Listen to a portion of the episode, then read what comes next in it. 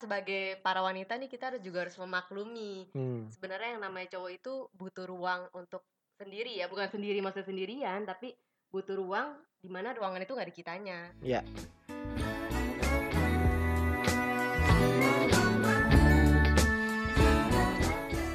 Kami hanya mau ditolong ketika kami meminta tolong. Mm-mm. Kini ku datang jangan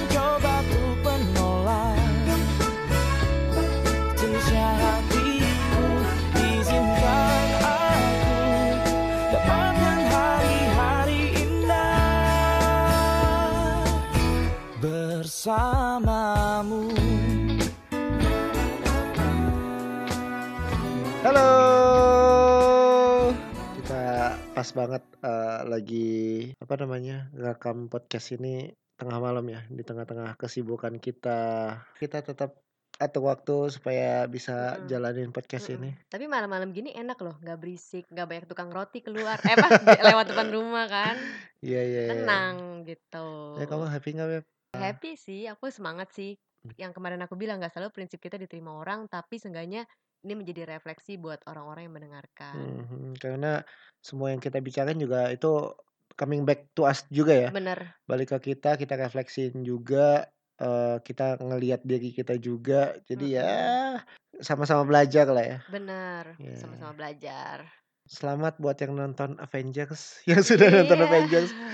Nih sekarang kita lagi zaman-zaman booming banget Avengers Endgame ya. iya meskipun udah berapa minggu atau Berapa hari ya ya, seminggu berlalu lah, seminggu berlalu. Kamu udah nonton berapa kali, Beb? tiga kali di bioskop Tiga. satu kali di laptop udah ada di laptop Eh, aku udah dua kali nonton di bioskop. Banyak banget ya sebenarnya. Kamu terutama ya. Iya. 9 jam loh, Beb. Iya nggak apa-apa sih aku rela waktu aku dibuang untuk menonton Dibuang. bukan dibuang cuma dihabiskan untuk menonton ya yang aku itu loh si Ya, Tony Stark baik lah, baik, baik, baik, baik. So, anyway, aku uh, officially mau say thank you sih Beb sama kamu. kenapa Karena udah mau nemenin aku nonton Endgame. Karena aku tuh kan ya kamu tahu aku lah ya, aku Marvel mania. Mm-mm, aku DC maniak awalnya Awalnya, sekarang sudah berpindah agama bukan? iya iya Ya kamu tahu lah ya waktu di perdana Endgame muncul, aku Mm-mm. harus ngajar di luar kota dan nggak memungkinkan untuk bisa nonton. Dan di tengah-tengah waktu yang sangat mepet, which is aku pulang dan besok pagi tengah pagi kita harus eh, berangkat ke Pineng ya. Tapi akhirnya memutuskan untuk di malam yang sama ketika aku pulang sebelum kita ke Pineng, justru kita nonton. Mm-mm. kita nonton Night jam 12 sampai jam 3 terus lanjut ke bandara Langsung penerbangan jam 5 lewat ya oke fine padahal aku udah nonton Hamin Satu. iya Hamin satu Ya, kamu perdana, nonton. aku kan nonton ha- ha- hari kedua ya. iya hari kedua Aduh, aku thank you banget. Ini relevan sih Beb sama apa yang Hmm. kita mau bahas hari ini karena buat aku eh, aku merasa sangat dicintai Cie. Hmm. Saat kamu rela sih di dua hari berturut-turut. Setelah 24 jam akhirnya kamu nonton lagi demi nemenin aku padahal sebenarnya kamu bisa eh, ambil waktu kamu istirahat, aku nonton, habis itu kita eh, pergi bareng-bareng ke bandara. Hmm. Tapi ya aku merasa kamu sayang sama aku mau nonton bareng itu buat aku salah satu hal yang menyenangkan sih buat aku. Thank you sayang. You're welcome. Oke, Beb, hari ini kita mau bahas apa nih yang agak-agak mirip sama apa yang tadi aku sampaikan? Eh, apa ya? Bahas apa sih?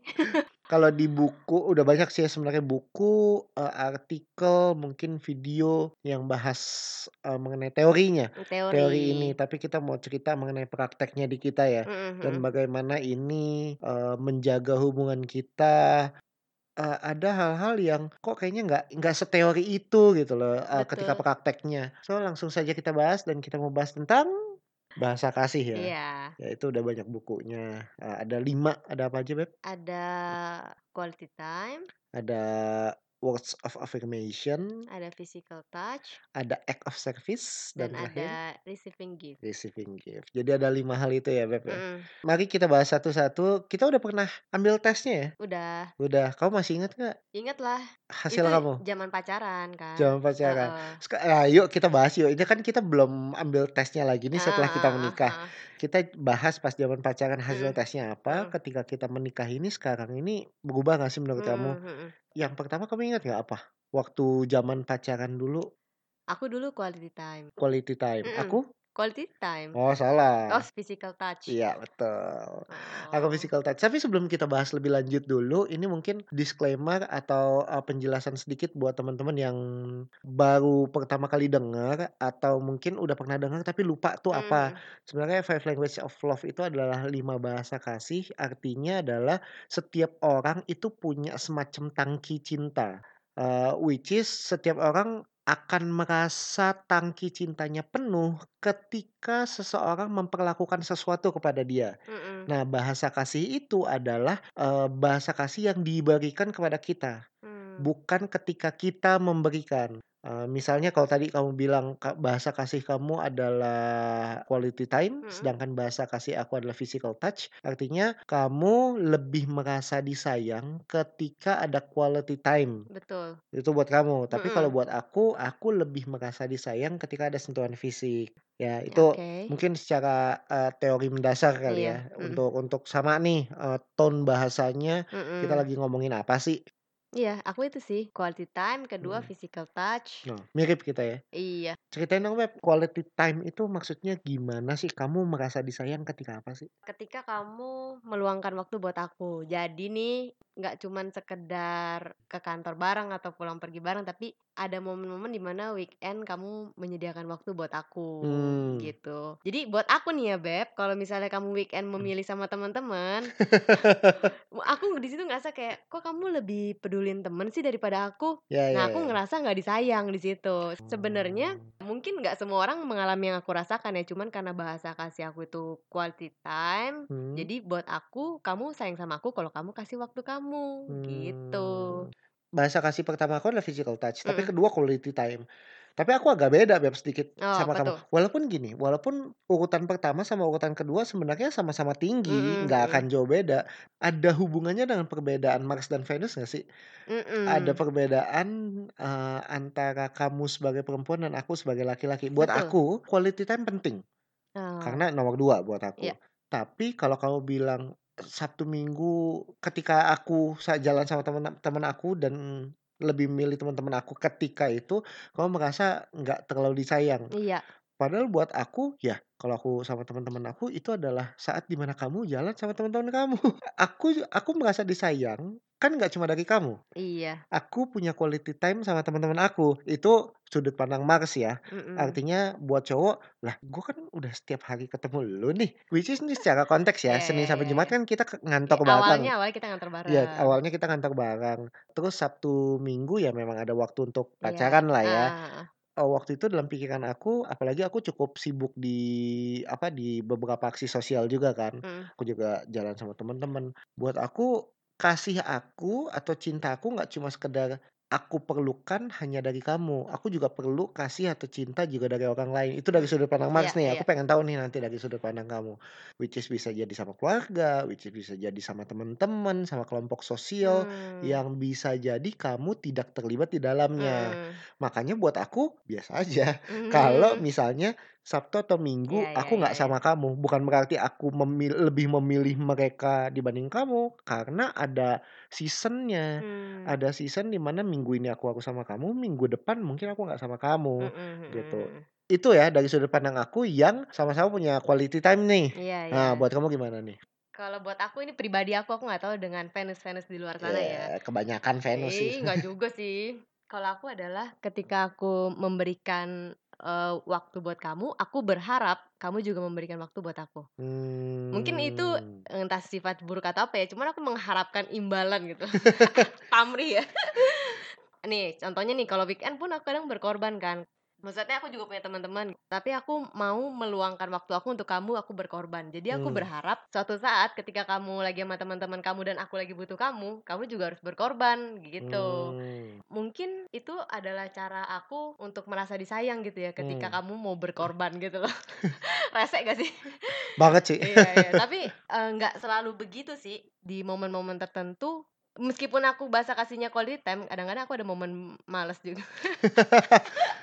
Tapi maksudnya kayak ya udahlah kalau nggak ketemu juga nggak apa-apa gitu. Oke, tapi most of the time pengennya justru ketemu ya? Mhm. Nah itu juga yang jadi bahan buat kita berantem gak sih dulu? Iya awal-awal Iya kan gitu, awal-awal gitu ya? heeh. Karena kamu merasa aku lebih milih teman-teman aku, padahal buat aku bukan aku lebih milih teman-teman aku. Di minggu ini aku lagi memang pengen ketemu teman-teman aku gitu. Mhm, tapi kalau sebagai perempuan kadang-kadang kita mikir kenapa lo nggak ajak gue aja sih? Kita lagi pengen bro time aja. Oh iya iya iya. Ya, ini mungkin buat tips buat teman-teman karena ada juga eh, beberapa cewek-cewek yang ngerasa bahwa kok cowoknya main mulu sama teman-temannya tapi nggak pernah ngajak. Buat kita para cowok gini, kalau emang kita lagi ketemu sama cowok, teman-teman kita Eh. cowok, aduh hal yang paling mema- memaleskan dan memalukan buat kita adalah tiba-tiba bawa cewek kita. Oh iya iya. Kenapa buat kita memalukan? Bukan berarti kita nggak bangga sama cewek kita, Heeh. tapi kita lebih ke arah laki-laki itu punya pride. Ah. Kalau emang ternyata waktunya time tiba-tiba bawa ceweknya, terkesan Mhm. bahwa si cowoknya itu nggak berani ambil keputusan, bilang bahwa Hmm. nggak dulu deh eh, waktu jalan sama kamu, aku jalan sama teman-teman aku dulu ya, nanti malaman mungkin kita ketemuan. Hmm. Jadi kayak gue kok kalah ya sama Kayak cewek ya? kayak di bawah ketek pacar gitu ya. Exactly. Makanya cowok itu eh, lebih baik membatalkan pertemuan sama teman-teman cowoknya.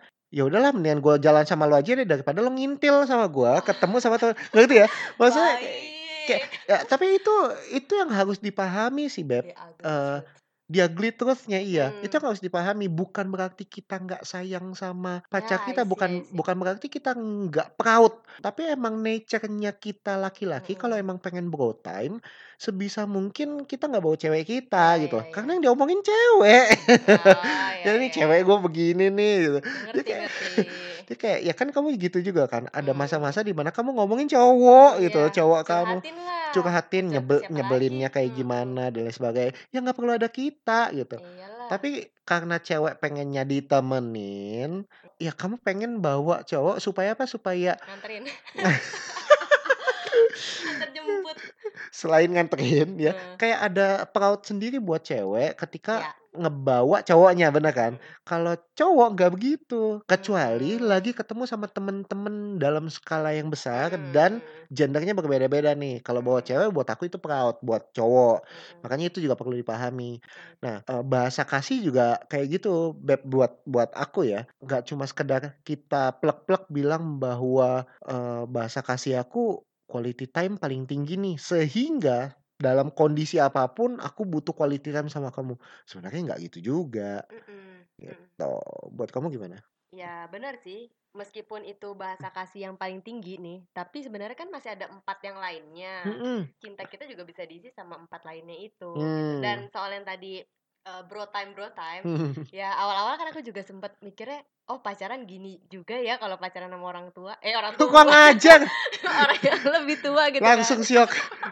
Nada jadi tinggi. Tapi emang bener loh, kalau pacaran sama orang yang lebih umurnya lebih tua, nggak tahu Hmm. kenapa dia lebih bisa ngatur jadwal sama pacar sama sama teman. Jadi kadang-kadang Hmm. ada waktu sama teman. Beda kalau waktu SMA ya maunya berduaan mulu gitu Ya kan. ya Ya ya. Daripada aku ribut, eh, ya sebagai para wanita nih kita harus juga harus memaklumi. Hmm. Sebenarnya yang namanya cowok itu butuh ruang untuk sendiri ya, bukan sendiri maksud sendirian, tapi butuh ruang di mana ruangan itu nggak di kitanya Ya. gitu butuh privacy justru kalau misalnya kita tempelin terus tuh lama-lama cowok bisa kabur juga sih Exactly. karena dia ngerasa oh lu ngintil gue banget lu nggak percaya sama gue apa gini loh terlalu sering ketemu buat aku juga bikin cowoknya bisa bosen ya kan Hmm. Malah cowok itu merasa disayang ketika dia dipercaya. Ya, benar gak sih? betul betul ya banget. itu jadi justru ketika kita ngintil dan kesannya nggak percaya sama cowok dia merasa nggak disayang. Dan Mm-mm. tangki cintanya malah nggak terisi ujung-ujungnya. Mm-mm. malah dia cari perhatian sama cewek lain kan? Bahaya gitu. Kadang-kadang kalau cowok yang nggak haus perhatian sama cewek, Mm-mm. buat aku cari perhatiannya bukan dari cewek lain sih, Hmm. cari perhatiannya lewat yang lain. Yang lain tuh Hmm. artinya kayak, ya gue udah males lah ketemu pacar gue, udahlah mendingan gue ketemu sama teman-teman gue Iya aja. bisa bisa. Bukan cewek lain gitu. Jadi Hmm, eh, pelariannya ada jenis bener, lain ya. jangan dipikirin, jangan dipikirkan eh, kalau cowok udah males sama cewek, udah pasti cari cewek lain. Enggak juga sih. Hmm. Buat kami para laki-laki, kami nggak sebrengsek itu juga gitu. Hmm.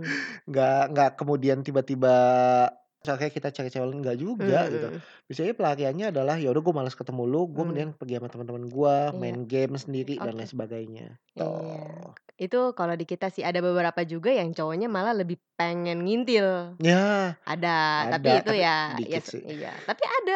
Iya.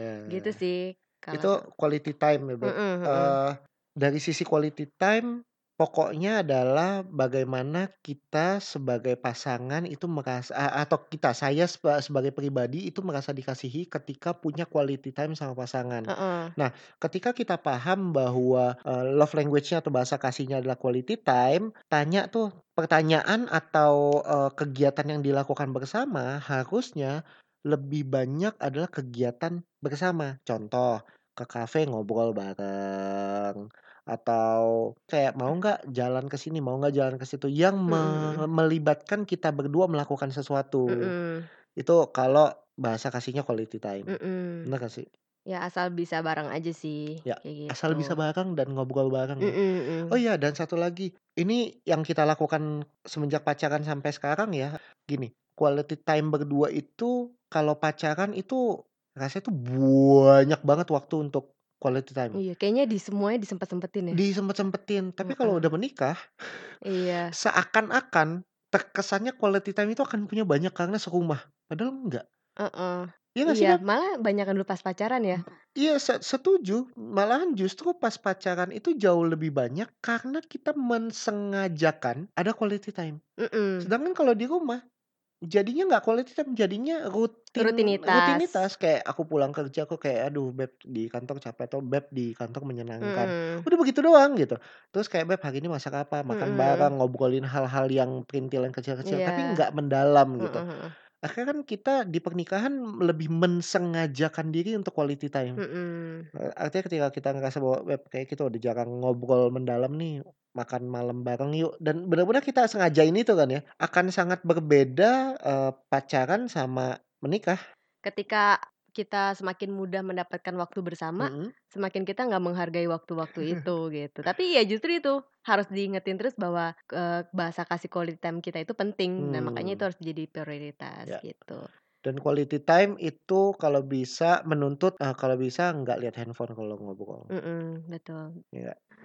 Oke. Oke, kedua physical touch kan. Mhm. Aku aku pertama physical touch, kamu kedua ya, Mhm. physical touch. Apa sih yang terjadi Beb waktu kita pacaran? Atau apa sih physical touch itu? Physical touch itu bukan berarti selalu kegatelan pengen pegang-pegang gitu ya.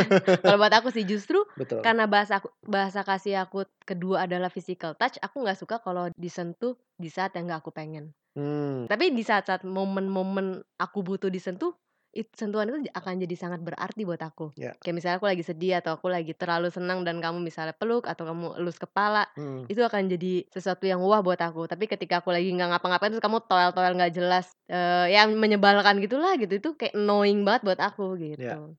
Jadi physical touch ini justru bukan mengecilkan value sentuhan, artinya Mhm. kayak ya dikit-dikit sentuh dikit-dikit sentuh, Iya. enggak sih. Lebih ke arah aku atau pribadi tersebut akan merasa sangat dicintai ketika ada sentuhan fisik seperti Rangkul, iya, puk-puk, puk-puk, oke. rangkul, atau enggak, Rangkul, eee, di gandeng. gandeng, dielus, eee, Mhm. kepalanya dan lain sebagainya.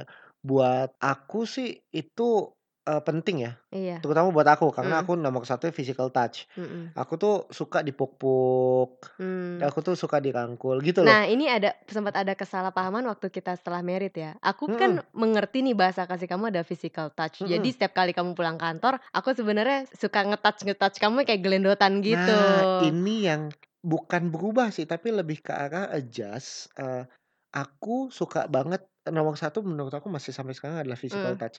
Tapi kalau aku lagi capek banget, Mhm. aku nggak mau sih. Nah itu, aku aku gitu. pikir kamu suka kalau aku gelendotin, maksudnya karena kamu merasa disayang ketika disentuh atau dipeluk Mhm gitu mhm kan. mhm. Tapi ternyata kamu merasa annoying ketika aku sentuh di saat yang nggak tepat, bener nggak? Mhm mhm mhm. Gitu, Betul. jadi sebenarnya physical touch itu juga harus tahu waktu sih. Betul. Nggak peduli dia urutan ke berapa, menurut aku kita harus lihat personnya sih, Iya. orangnya. Karena sangat berbeda. A tapi ada loh orang-orang yang kayak lagi capek, ya udah gue pengennya disentuh, dipeluk gitu. Mhm. Ada. Tapi buat aku even though, eee, physical touch nomor 1, Aku tuh kalau lagi capek banget, aku menghindari ketemu orang. Mmm. Kenapa? Karena baterai aku tuh drain banget. Iya. Aku suka quality time, tapi aku malas ditanya-tanyain kalau lagi capek. mhm mhm. Aku malas disentuh, "Aku maunya apa? Aku mau sendiri. Ada kamu nggak apa-apa, tapi jangan banyak ganggu aku," kasarnya Iya begitu. iya iya. Itu sudah terjadi dari dulu, aku Iya. pulang ke rumah pun aku mama mama papa aku dulu nanyain Mhm. banyak hal kayak, "Udahlah stop, aku lagi capek banget," gitu, Mhm "nggak usah nggak usah banyak ditanyain ini itu." mhm. Sama kan ke Iya. kondisinya ketika sudah menikah pun mirip. Mhm Aku lagi capek, walaupun aku tahu nomor satu aku adalah physical touch, aku juga nggak suka Iya. diglendotin terlalu lama Mhm gitu loh. Ya sebenarnya di luar bahasa kasih itu sendiri, pada dasarnya sifat cowok itu adalah suka masuk ke dalam guanya Goa, sendiri ya. Gua itu yes. bukan berarti goa dalam arti batu-batuan, cuman goa itu adalah ruang sendiri di mana gue pengen menjauh dulu nih dari semua Mhm, keadaan mhm ini gitu. mhm. Ada ada saatnya kayak gitu, itu nggak mempengaruhi bahasa kasih lo apa, tapi Iya. emang setiap cowok begitu. Jadi dia nggak terlalu suka dipepet-pepetin terus. Iya. Sedangkan cewek kalau lagi ada masalah sukanya nyari orang. Nah Mmm. bedanya itu. Makanya kita kenapa para cewek kalau misalnya ngeliat kamu lagi bermasalah nih ya, para cowok nih, kita tuh pengennya nanya tahu nggak, "Lu kamu lagi kenapa? Lu lu cerita deh sama gue, lu pasti lega," intinya gitu. Padahal Ah, tidak. padahal cowok itu beda pikirannya, dia mendingan diem, abis itu nanti setelah dia memulihkan diri, dia akan keluar lagi dari goanya dan Menceritakan itu iya semua. menceritakan Yes lagi yes gitu. yes. Jadi ya itulah kalau kata Tulus, eee, laki-laki itu butuh ruang sendiri. Yoi, betul. Karena mungkin karena perbedaan bahasa yang tidak dimengerti ya. Mhm. Ketika cewek merasa bahwa, "Kok lo nggak mau cerita?" Cowok nggak mau cerita, "Lo kenapa sih kok lo jadi berubah?" Ya kita bukannya berubah, kita menjadi diri kita sendiri Mmm, justru. mhm mhm. Karena ya nature-nya cowok cowok capek itu diem. Iya. Sebawel-bawelnya gini, cowok baru akan bawel ketika ketemu sama misalnya temen-temennya yang bawel juga. Eee. Artinya kan ada ekstrovert, ada introvert. Masuk gua bukan berarti cowok itu pasti jadi introvert, Mhm enggak. Semua cowok pasti akan akan masuk gua walaupun dia ekstrovert maupun introvert. Mhm. Kecenderungan orang introvert adalah malas ketemu orang. Mhm. Dia langsung masuk guanya. Kalau kecenderungan orang ekstrovert walaupun masuk gua, tapi ketika ketemu sama temen-temennya, dia bisa jadi Mmm. dalam tanda kutip bisa jadi bawel lagi, tapi setelah selesai ketemu temen-temennya, dia masuk gua lagi. Orang ekstrovert itu ketika ketemu orang banyak, apa, baterainya ter-recharge. Tapi Mmm. ketika selesai ketemu orang banyak itu, ya dia harus masuk gua lagi. Karena Mmm. emang nature-nya cowok tuh harus Masuk gua. masuk gua. Nah ketika cewek nggak paham ini, cewek akan ngerasa bahwa kok cowok maunya diem aja, kok lo nggak mau cerita? Emang kenapa sih, eee, emang lo nggak sayang sama gua atau gua ngebebanin elu? Itu Mmm. kan pernah tuh kamu rasain ya? Iya iya iya. Karena, eee, buat aku kalau aku ada masalah aku maunya cerita. Kalau aku cerita itu berarti aku percaya sama orang itu Mmm. dan orang aku sayang sama orang itu. Jadi aku berharapnya kalau kamu lagi ada masalah, ya kamu cerita, berarti tandanya kamu sayang sama aku Mmm. gitu. Nah, cowok pasti akan cerita, pasti akan cerita. Pada Ha waktunya. pada waktu dia keluar goa. Mhm. Jadi Ya. tolong Tolong, biarkan kami-kami please. ini, Iya iya para iya. laki-laki ketika masuk goa, ya jangan dihajar dengan semua pertanyaan seakan-akan kita harus keluar goa cepet-cepet gitu loh. Iya iya iya. Tadi kita bahas apa, physical touch ya? Iya. Harus tahu juga, harus ngerti juga ya laki-laki harus masuk goa. Jadi apa pun itu walaupun Mhm physical mhm mhm. touch juga ya kasih waktu dulu, karena Mhm. nanti cowok juga pasti akan nyari kok physical touch Mhm. itu kalau dia, eee, nomor satunya adalah physical touch. Iya. Oke, yang ketiga. Yang ketiga, Kamu apa eee, sih? Kita kayaknya sama deh sama yang ketiga. ketiga itu words. Words ya, words of affirmation. Iya, itu Apa soal kata-kata sih. Mhm. Sebenarnya kayak soal lebih ke arah pujian, apresiasi, terus, eee, atau ucapan-ucapan I love you atau apa gitu ya. Itu adalah apa yang kita ucapkan gitu, baik secara kata-kata ataupun nada. Oke. Jadi words of affirmation itu kan sebenarnya adalah segala jenis ucapan yang yang disampaikan kepada kita yang bentuknya adalah meningkatkan, eee, apresiasi dalam kehidupan kita, Mhm. gitu. Jadi segala bentuk kasih sayang yang diucapkan itu tangkinya bisa diisi dengan words of affirmation. Contoh ngerasa bahwa thank eee, ngomong thank you, Iya. ngomong I love you, Heeh. ngomong a good job, thank you udah mau Iya. bantuin Mmm. aku. Kayak misalnya, "Thank you udah masakin aku hari ini." Yes, kamu cantik hari ini. Mhm. Itu ada orang-orang yang memang Iya. tangki cintanya akan bertumbuh atau terisi ketika Ada kata-kata. ada kata-katanya. apalagi kalau Hmm. ya aku bangga sama kamu kayak Yes, gitu. yes. Ini sih Beb, walaupun gini, walaupun ada orang-orang yang secara language of love bukan words of affir- affirmation, tapi harus ngerti nih bahwa cowok sama cewek itu udah pasti butuh words of, of Pasti, affirmation. pasti banget. Heeh. Walaupun nggak setiap saat dia tangki cintanya terisi karena kata-kata ya, Mm-mm. tapi ada kata-kata yang jadi password kunci ketika kamu sampaikan itu ke laki-laki atau ke perempuan itu bisa jadi mengisi tangki cintanya sih. Karena laki-laki itu kata kuncinya adalah pride, kata Mm-mm. kuncinya adalah apa yang kami lakukan yang harus dilihat sama pihak eh, Venus, kata-kata aku bangga sama kamu Mm-mm. itu mengisi tangki banget sih Beb. Hmm. Aku bangga sama kamu, terus kayak eh, thank you udah mau bantuin ini, eh, it really means a lot for me. Oh, Ini sangat benar-benar ngebantu aku banget. Buat kita walaupun kita bukan tipe words of affirmation, tangki cinta kita pasti akan hmm. terisi sih. Itu udah basic banget ya kan? Basic. Mm-mm. Terutama kata-kata bangga sih. Bangga. Aku bangga sama kamu. Wah, terima kasih. gitu. Kalau di cewek sih Mm. mm, mungkin bukan kamu cantik kamu cantik gitu ya yang paling mengena. Mm-mm. Yang paling mengena adalah kalau buat aku sih ya, kayak kalau misalnya kamu ngomong thank you ya udah support aku, berkat kamu aku sekarang bisa bla bla bla bla gitu. Berkat kamu nggak tahu mengapa ya, Ah, tapi oke, kayak oh ternyata gue gue membantu dia ya selama ini gitu. Ternyata usaha gue Ah. nggak sia-sia kalau buat aku sih gitu. Ya ya ya paham. Berkat kamu jadinya begini nih berkat kamu. Iya. Oke, ada kata berkat kamu itu Heeh. jadi basic banget ya. Heeh. Makanya setiap kali kamu misalnya bilang, "Ah, karena kamu rumah jadi kotor." Nah, itu jadi nyakitin banget tuh. Karena ada karena kamu kayak, Ah. "Oh, gue yang bikin ini." Oh, oke gitu. oke oke oke.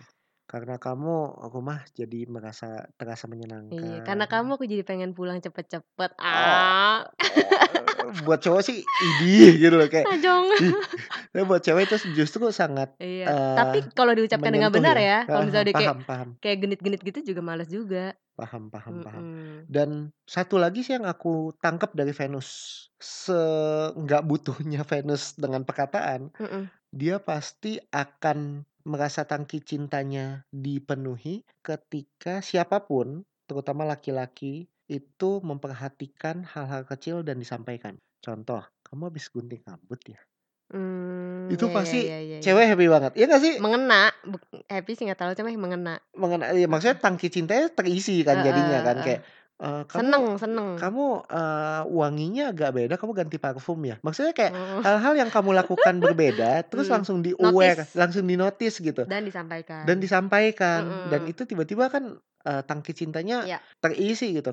Buat aku sih, aku paham betul bahwa aku harus notice kamu iya. nih, dan aku harus sampaikan Heeh, gitu. Jadi pria-pria itu kalau memu- mau memuji jangan memuji dalam hati, tapi harus Hmm, diungkapin hmm, gitu. terutama hal kecil. Iya, muji gratis kok. Hmm, tapi bisa ngisi tangki, ya nggak? Wow, Oh. Oke, gitu. itu words of affirmation ya. Mm-mm. Ada kata-kata basic yang menurut aku bisa disampaikan kepada lawan jenis yang itu bisa mengisi tangki Mm-mm. walaupun bahasa kasihnya itu atau bukan, Iya. words of affirmation Mm-mm. atau bukan. Iya, yang Dan keempat apa? Keempat, kita sama juga nih, Act of service. act of service. Kita kita kok nggak salah sama semua ya. Iya, mirip. Yang beda cuma satu sama dua. Aku physical, kamu quality time. Act of service apa itu? Ya, Hmm. itu bagaimana kita sigap dalam membantu segala sesuatu. Apa yang Hmm. diperlukan oleh pasangan kita. Hmm. Kayak misalnya aku lagi kerepotan bawa barang nih, tiba-tiba kamu, sini aku yang bawain aja. Buat aku itu act of service. Hmm. Terus kayak, sini aku jemput aja. Ya, Sini ya. aku aja cuciin piring. Uh, happy bener ya kan. Gitu-gitu sih. Jadi Walaupun kamu bantuan. yang keempat, perkataan-perkataan sini aku aja yang cuciin piring tetap bikin kamu happy banget ya. Tangki Mm-mm. cintanya full tiba-tiba ya. Kayak aduh akhirnya sadar gitu. gitu. Ya paham paham paham.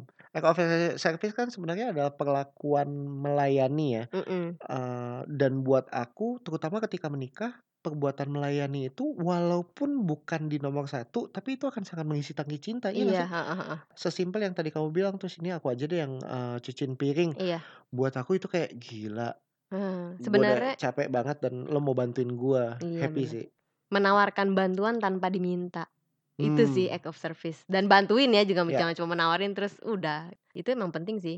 Makanya thank you Beb, eee, kan gini, act of service aku juga nomor 4. Mhm. Buat aku ketika ka dulu terutama waktu pacaran ya, kamu ngebantuin aku membantu, aku happy, tapi nggak banyak ngisi tangki cinta aku. Mhm. Tapi justru di pernikahan, entah kenapa ya, act of service tuh bukan lagi sebuah bahasa kasih yang nomor sekian, Iya. tapi kayak, ya kalau emang waktunya tepat, walaupun ini nomor nomor 4, Mhm. ini sangat mengisi banget. Contoh Mhm. aku pulang capek dan kamu tiba-tiba bilang, "Beb mau aku pijitin nggak?" Buat aku kayak, "Oh my god, thank Mmm. you Beb, ya aku mau banget Iya, dipijitin," gitu loh. sebenarnya pijitin itu double shot sih. Double shot ya? Iya, physical touch sama Ya, oh iya bisa jadi sih aku heeh. physical touch-nya aku kena. Bener sih, cuma kesediaan kamu untuk bi eee, bilang, "Beb, eee, mau aku pijitin nggak? mhm. Kamu haus nggak Beb? Aku ambilin minum." Buat aku kayak nggak nggak keisi-isi banget tangki Iya. cintanya, tapi buat aku, aku merasa diperhatiin banget, gitu. Mmm. Ya happy, gitu. Jadi sangat buat aku sih sangat berbeda ya antara pacaran sama pernikahan. Be Justru di pernikahan heeh. harus bi lebih bisa merendahkan diri untuk sama-sama mau act of service, sama-sama mau mhm. ngebantuin, gitu. Betul. Tapi mau sharing sedikit nih Beb, terutama di season pacaran ya, Mhm. Mars sama Venus act of service-nya bisa jadi sangat berbeda. Mhm. Venus itu suka banget hal-hal yang terkesannya cowok itu gentle. Oke. Bukain pintu lah, Mhm. bukain pintu mobil lah, bawain barang lah, Mmm. gini. Tapi buat aku, cowok nature-nya seperti itu. Mhm. Jadi kalau cewek klepek-klepek sama cowok yang kayak gitu, nggak masuk akal buat aku. Mmm. Walaupun gini, gue act of service banget nih, cewek bisa bilang kayak gitu. Tapi kalau ngelihatnya hanya dari perbuatan-perbuatan yang biasanya cowok memang lakukan, ya emang itu nature-nya kita. Jadi Jadi jangan GR. jangan terlalu GR, santai aja. Heeh, bener Tapi satu hal yang Venus perlu tahu dari Mars adalah, balik lagi kata kunci Mars adalah pride. Mhm. Kami hanya mau ditolong ketika kami meminta tolong. Mhm. Jadi, eee, hopefully Venus-Venus ini juga mengerti jangan, eee, mencoba atau jangan sering-sering ngomong bahwa, "Eh sini aku bantuin." Mmm. Sama Mars atau sama cowok yang tidak bilang bahwa, "Eh tolong dong bantuin Beb, kamu Iya bawa iya ini iya. aja deh." Ah. Kalau emang kita berusaha bawa banyak, ya karena kita merasa bahwa ini kita masih masih kuat. Mhm. Tapi kalau kita ngerasa nggak kuat, kita pasti akan minta bantuan nih, Mhm "Beb tolong dong bawain yang ini aja, Iya sisanya iya iya. aku," gitu. Nah, eee, apa ya, ketika Venus, eee, tiba-tiba bilang, eee, "Sini sini bawain kamu banyak banget, aku bantuin deh setengahnya." Kalau si Mars-nya atau cowoknya bilang, "Nggak usah," ya jangan dipaksa, "Udah udah nggak apa-apa, kayak siapa aja aku kamu bawain." Cowok tuh ngerasa kayak, "Ih kan gue bilang nggak usah." Ya, dan lebih lebih ngerasa cowok tuh jadi kayak, "Ah elah." Jadi kesel gitu loh, walaupun Mmm. sedikit jadi kesel. Jadi misalnya si cowok ini kual eee, apa, act of service-nya tinggi nih, bukan berarti kamu tiba-tiba nawarin bantuan semacam itu ke Mhm. ke laki-laki. Itu juga harus dipahami nih. Iya iya Jadi iya. nggak cuma sekedar, "Oh dia si cowok gue nih act of service-nya tinggi, ya udah deh gue bawain dia apa, gue bawain ap dia apa." Bukan itu. Justru inisiatif-inisiatif yang, eee, apa ya, yang wanita Kecil, banget lah. heeh. Misalnya nyampe rumah terus tiba-tiba, eee, "Beb, kamu capek kan duduk aja nanti aku bikinin masakan." Mmm. Nah, buat aku itu cowok sebagai cowok act of service tuh. Mhm. "Beb kamu capek ya? Aku pijitin ya." Itu act of service. Jadi Mmm. bukan semerta-merta cewek misalnya bilang bahwa, "Eh sini, eee, aku bantuin bawain ini deh." Mmm, ya ya, aku jadi ngerti sih. Mmm. Ternyata emang, apa ya, act of service juga jangan sampai menghina pride-nya lelaki ya. Mhm. Kadang-kadang kamu juga suka marah kalau misalnya aku tawarin ber bantuan yang berulang-ulang. Ya kan, Karena kayak, aku "Udah udah aku aja udah aku aja." usah, kamu tetap ngomong gitu Mhm. loh. Karena gini, karena aku ngelihatnya kamu kayak ngerasa butuh bantuan. Sedangkan aku, aku suka dibantu. Sebagai Mmm. perempuan aku suka dibantu. Mmm. Nah, makanya aku aku pikir kamu juga suka dibantu. Ternyata Mmm. caranya berbeda. Caranya berbeda. Aku mungkin butuh bantuan, tapi Mhm. aku akan bilang kalau aku butuh Mmm. bantuan. Ya jadi kita sebagai perempuan sih kadang-kadang emang harus belajar untuk lebih cuek sedikit ya. Jangan jangan bentar-bentar mau mengambil alih tugas lelaki gitu. Iya iya iya. Ya, oke. Oke, yang terakhir. Ini soal Giving gift eh iya, receiving ya? iya Soal receiving gift. receiving gifts. Ini juga Mhm. menarik karena buat kita berdua, Mhm. gift nggak terlalu matter sih. Betul. Tapi Tapi tapi kadang-kadang dikasih gift seneng. Senang senang senang, tapi maksudnya bukan bahasa kasih primernya. Iya. Karena aku tahu banget ada sahabat aku yang bahasa kasih primernya adalah receiving gifts. Jadi dia Oh. merasa bahwa, eee, tangki cintanya penuh ketika dia sering dikasih hadiah. Mungkin Mmm. nggak usah mahal, Ya kecil eee, mhm mhm. kecil-kecil tapi dikasih hadiah gitu dan Mmm. dia suka surprise. Dia Mmm. suka kayak, eee, dikasih hadiah, dikasih Mmm. surprise, dibeliin sesuatu buat dia itu Mmm. lo artinya mikirin gue, lo Iya. artinya perhatian sama gue, Mhm lo mhm. artinya memberi kesan spesial buat gue. Betul. Sehingga, eee, action seperti itu sangat matters nih buat Mmm. sahabat aku ini. Nah buat kita kan nggak seperti itu, ya. Mhm. Tapi balik lagi ada orang yang gift receiving gifts-nya nomor 1. Mhm. Artinya kita memang harus, eee, ya sering-sering kasih gifts, emang Iya. agak sedikit mahal, maksudnya butuh cost lebih banyak, tapi, Iya. eee, ya cinta memang mahal. Iya. Tapi anyway boleh cerita nggak Beb, eee, gifts di kita gimana sih walaupun kita nggak bahasa kasih primer itu? Setiap kali ada gift itu karena mungkin kita jarang ngasih Mmm. gift juga, jadinya gift itu jadi berarti gitu. Seenggaknya di hari-hari penting lah misalnya Valentine, Mmm. atau anniversary, birthday, itu justru kalau nggak dikasih gift meskipun bukan orang gift itu baper kadang-kadang kayak, "Ya udah nikah aja nggak dikasih, dulu pacaran aja lu effort," gitu kan. Tapi ya giving gift itu perlu sih meskipun kadarnya di kita Mmm. sedikit Mhm mhm. gitu. Dan kalau terutama buat orang yang bukan receiving gifts, Mhm. mungkin gift nggak akan terlalu kasih input banyak buat Mhm buat, mhm. eee, sayang kita. Tapi itu bisa jadi memorable Beb. Iya. Ingat nggak pertama kali waktu pacaran kamu kasih aku gift, yang Mhm. surat itu yang kamu bikin sendiri, Oh, yang bisa heeh. muncul, eee, Pop pop up up, ya, pop heeh. up card gitu. Aku happy banget, aku terharu banget kan Iya, gitu, maksudnya aku nangis. Dibuka. Ya karena nggak ada yang kasih aku yang semacam itu Iya. sebelumnya gitu. Arti artinya aku sangat terharu banget, aku bilang sama kamu aku happy banget, Mhm. thank you very much. Tapi setelah itu aku taruh di mana juga lupa, Iya nggak? rese banget ya. Bukan berarti bukan berarti aku nggak ini, nggak ya, Menghargai, nggak menghargai, aku menghargai. Beberapa minggu setelahnya aku tahu taruh di mana, aku lihat terus. Tapi setelah itu kayak ya udah. Heeh. Ngerti nggak? Jadi kayak memorable tapi sampai hari ini aku masih inget Beb, Iya. gitu. Tapi kalau ngomong kasih gift kayak gitu lagi berarti nggak ya nggak terlalu sih, biasa Mhm, aja ngerti gitu loh. ngerti Tapi ngerti. sangat memorable buat aku, Heeh. gitu. Dan terutama ketika menikah, walaupun bukan orang gift, tapi kita tetap kasih gift yang sifatnya, eee, unpredictable ya. Mhm. Berapa kali kamu beliin aku baju, terus tiba-tiba, "Beb nih ada gift buat kamu, aku beliin kamu baju." Kayak gitu-gitu kan nggak ada nggak ada momennya nih sebenarnya, tapi kayak, ya aku lihat kamu butuh aja, aku mau Mmm. beliin ini dan happy. Iya. Siapa yang nggak suka dikasih kan sebenarnya kan, apalagi Iyalah. kebutuhannya. Heeh. Eee, balik lagi karena itu bukan yang primer sehingga mau jarang dilakukan pun kita nggak merasa kurang dan Mhm. kita nggak nuntut, gitu. Mhm. Dan kalau mau tahu pasangan kita sebenarnya bahasa kasihnya apa sih? Ya cek aja, nggak usah suruh dia isi tes gitu, tapi cek aja dia seri paling sering ngelakuin apa sih ke kamu. Iya. Itu berarti kemungkinan besar itu dia bahasa kasihnya dia. Betul. Jadi intinya sekali lagi ya, bahasa kasih itu adalah tangki cinta gue keisi ketika gua diperlakukan apa. Itu Mhm. bahasa kasih. Jadi bukan ketika gue ngelakuin apa, tapi Mhm. ketika gua diperlakukan seperti apa. Apakah gua disentuh, apakah gua diucapkan kata-kata manis atau kata-kata positif, apakah gua dikasih waktu, apakah gua dikasih barang, hadiah, atau dikasih pelayanan act of service Mmm. gitu. Itu aja dan anyway setiap bahasa kasih lima-limanya ada di kita ya. Iya, Tinggal betul. tergantung momennya seperti apa. Jadi jangan jangan berpikir bahwa, "Ah si Teca receiving gift-nya paling rendah nih, ya udahlah nggak usah kasih hadiah juga nggak apa-apa, mhm. gue lebih kasih waktu aja deh." Ya nggak gitu juga.